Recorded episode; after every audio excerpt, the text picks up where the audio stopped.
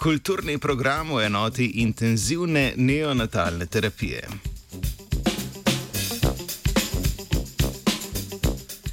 V večini industrializiranih držav se skoraj en odstotek otrok rodi veliko prezgodaj.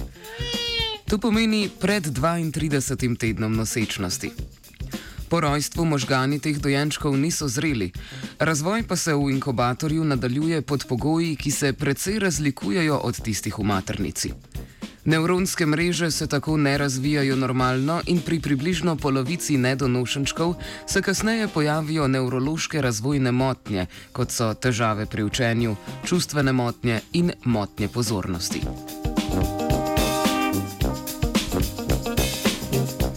Nadaljnemu razvoju možganov pripomorejo spodbudni dražljaji iz okolja.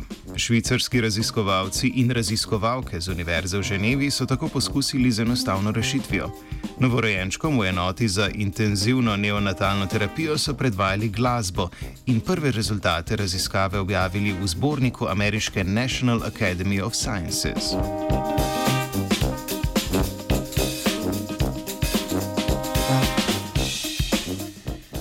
Glasbo za nedonošenčke je napisal glasbenik Andreas Follenweider. Sprva jim je igral na veliko različnih instrumentov. Najizrazitejše reakcije je izval zvok posebne vrste flaute imenovane pungi, na katero igrajo krotivci kač na indijski podcelini. Prej vznemirjeni dojenčki so se ob zvokih pihala skoraj takoj umirili in pozornost preusmerili na glasbo. Tako so bile s flauto, harfo in zvončki ustvarjene tri različne zvočne podlage. Dojenčki v eksperimentalni skupini so petkrat tedensko poslušali glasbo po 8 minut dnevno. Pomemben vidik procesa je bilo tudi strukturiranje dneva s pomočjo glasbenih intervencij. Ob prebujanju so namreč novorojenčkom predvajali drug posnetek kot med dnevom ali pred spanjem.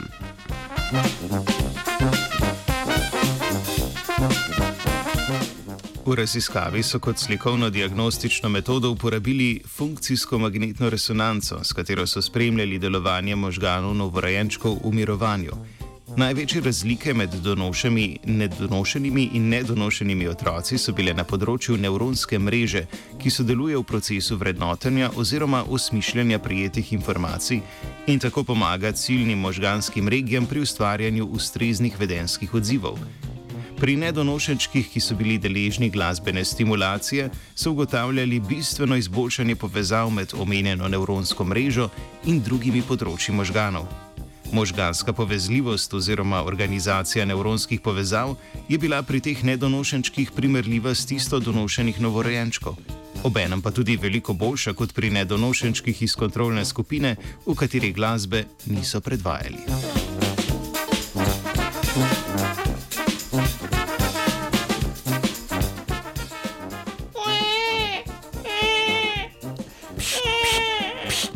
Priden. Enote za intenzivno neonatalno terapijo vlagajo v razvoj in nadgrajevanje postopkov oskrbe novorojenčkov, kljub primankljaju neurobioloških utemeljitev teh intervencij. Rezultati ženevske klinične študije so sedaj potrdili koristen učinek glasbe na razvoj možganov nedonošenih dojenčkov. Nadaljne raziskave na tem področju bi lahko vpliv glasbe primerjale z vplivom drugih zvočnih dražljajev, kot je naprimer govorjenje ali petje mame oziroma očeta.